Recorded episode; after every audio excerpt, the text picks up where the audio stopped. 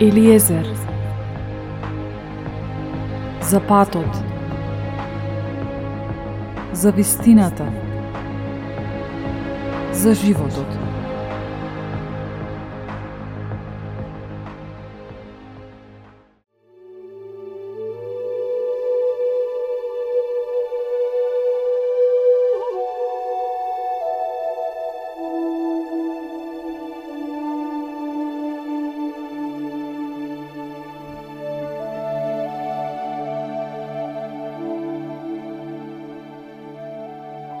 Здраво на сите слушатели кои ги следите содржините на Елиезер. Имам едно прашање до вас. Дали во моментов барате решение за излез од одредена животна ситуација? Може би во моментов размислувате и смислувате како да ја решите. Денес ви нудам еден предлог. Слушнете го, размислете, разгледајте го. Нема што да се изгуби, туку само да се добие.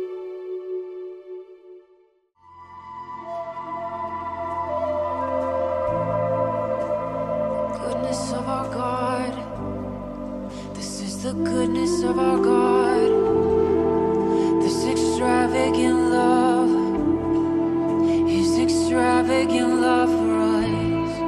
This is the goodness of God. This is the goodness of God. Extravagant love.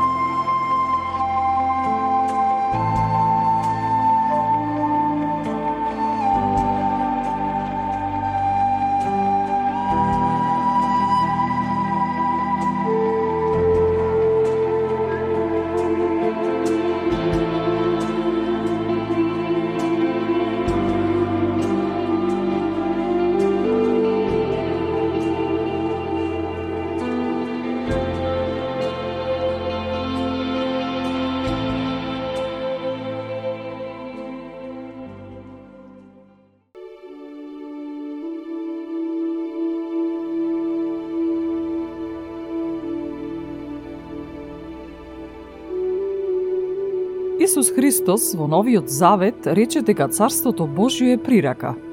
Откако тој седна од десната страна на Небесниот Татко, синовите и керките Божји го примија Светиот Дух. Со тоа ние сме обврзани да го манифестираме Царството Небесно на земјата преку менување на светот околу нас.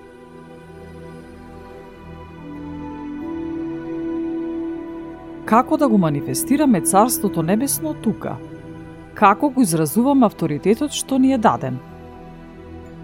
Станува збор за друго царство, друга влада. Исто како што секоја држава има своја влада, така и Царството Небесно има своја влада, свој парламент, устав, закони и слично. Тоа царство владее над се. Провенствено, тоа царство се манифестира во секој поединец кој верува во истото.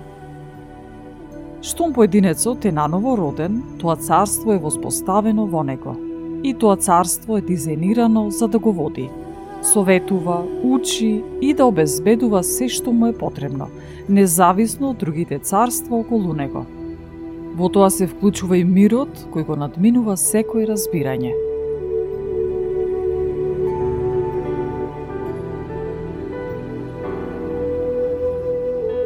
Небесното царство нуди решенија, одговори на нашите земски прашања и предизвици.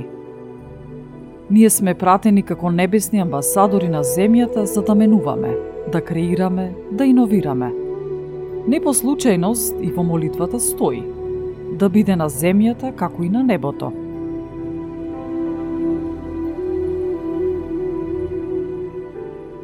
Секоја влада, секоја власт – Секој царство има свој цар, свој председател, нели? Во Откровение 17 глава стои Исус Христос е господар над господарите и цар над царевите, и оние што ќе се со него се повикани и избрани и верни.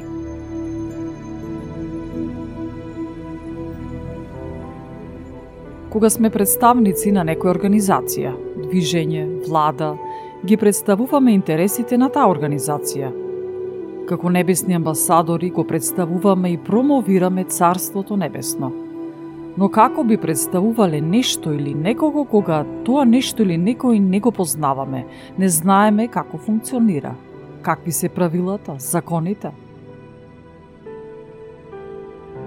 Нам, како представници на Царството Небесно, ни е вграден неограничен извор на ресурси, на мудрост, се што ни е потребно за живот во изобилие.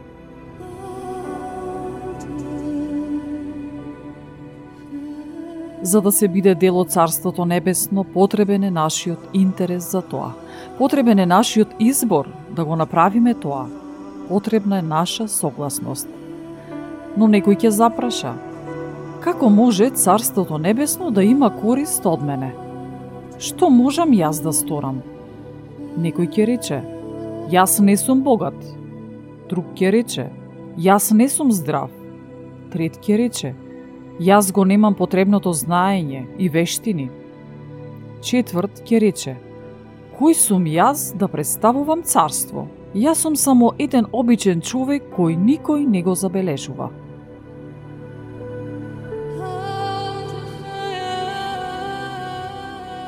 Одговорот е следен. Штом го прифатиме Царството Небесно, преку Исус Христос, ние стануваме решение на нечи проблем, бидејќи Царството е во нас. Например, постои некој проблем, некој предизвик што треба да се реши.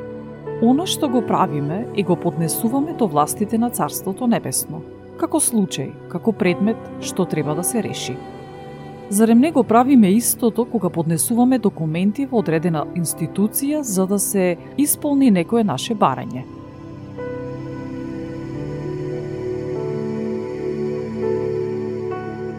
Како функционира тоа во Царството Небесно?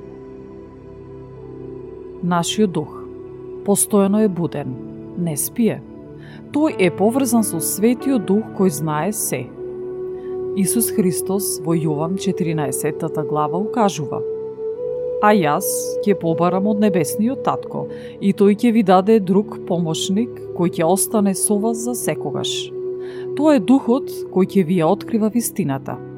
Световните луѓе не се во состојба да го примат него, затоа што не го гледаат, ниту го познаваат.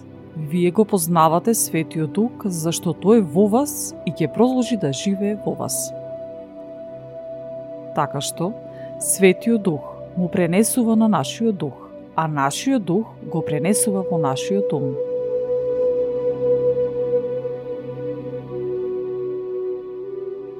Царството Небесно ги има сите решенија и одговори. Затоа е кажано Татко, да биде волјата Твоја, како на небото, така и на земјата.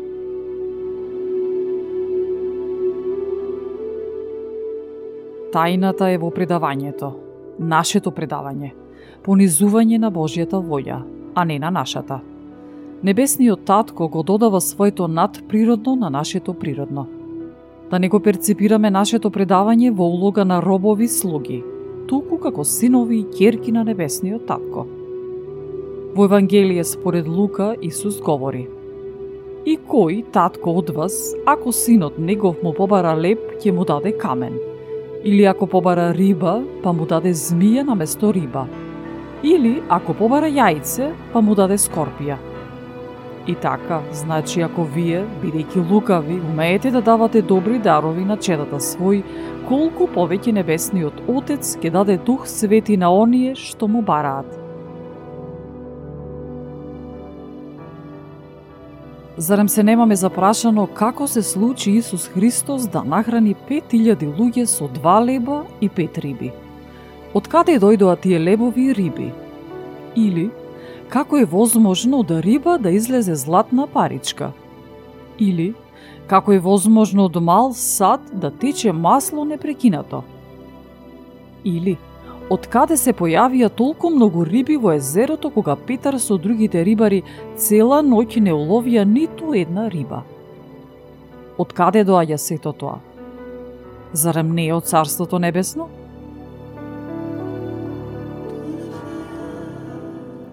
Така, овој е мојот предлог за денес. да се бараат решение и одговорите на нашите проблеми и прашања и предизвици од Царството Небесно.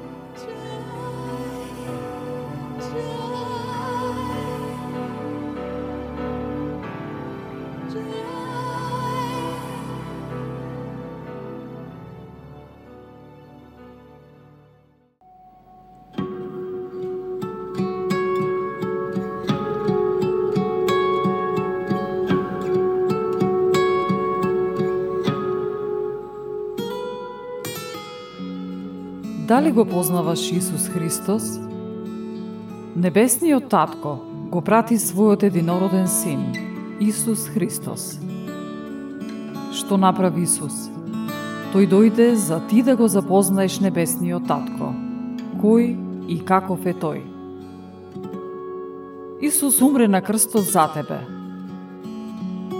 Сакам да ти го представам Исус Христос, личноста наречена Исус. Тој дојде во мојот живот и ме спаси и не ме осуди. Направи го и ти истото. Откри колку е прекрасен Исус. Што направи тој за тебе. Покај се за твоите гревови. Кажи му дека ти е жал. Верувај дека тој умре за нив. Верувај дека ти си чист. Чиста Верувај дека тој живее во тебе преку изговорена покана и верувај дека тој може да те употреби за да ги нахраниш гладните, да им помогнеш на оние што се во потреба. Биди како него, представувај го во секоја област од твојот живот. Изборот е твој. Ти си избраниот посредник. Дали има потреба да се споредува тоа со нешто друго? Изговори го следново на глас. Мил Господе, јас сум грешник. Сгрешив против Тебе и многу ми е жал. Верувам дека крвта на Исус ги чисти сите мои гревови и дека Ти повеќе не ги помниш. И дека јас сум чист, чиста. И сега кога сум чист, чиста, Те барам, Господе Исусе, дојди и живее во мене. Биди мој спасител. Ти си мој Господар Јас сакам да го доживеа моето лично искуство со Тебе.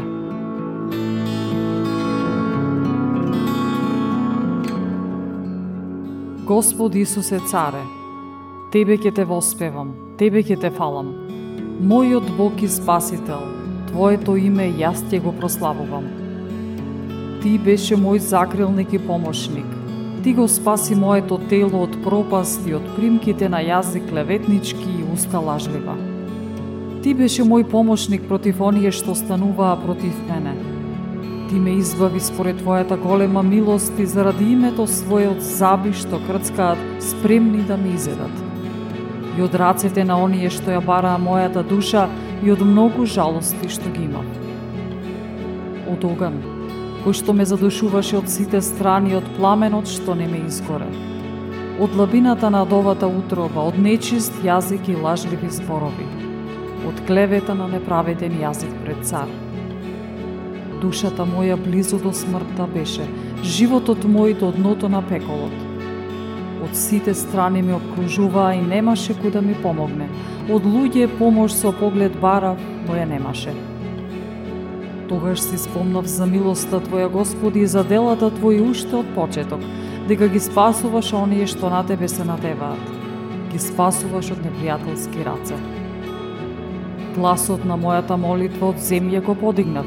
Ти се молев од смрт да ме избавиш. Повикав кон Господа, кон Отецот на мојот Господ, да не ме остави во днина неволја кога немам помош од горделиви луѓе. Името Твое непрестено во славословие ќе го фалам, зашто молитвата моја ја послуша. Од погибел ме спаси и во зло време ме избави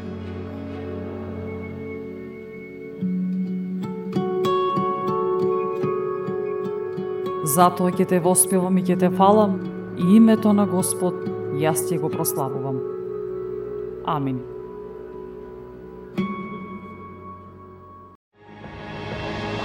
Елиезер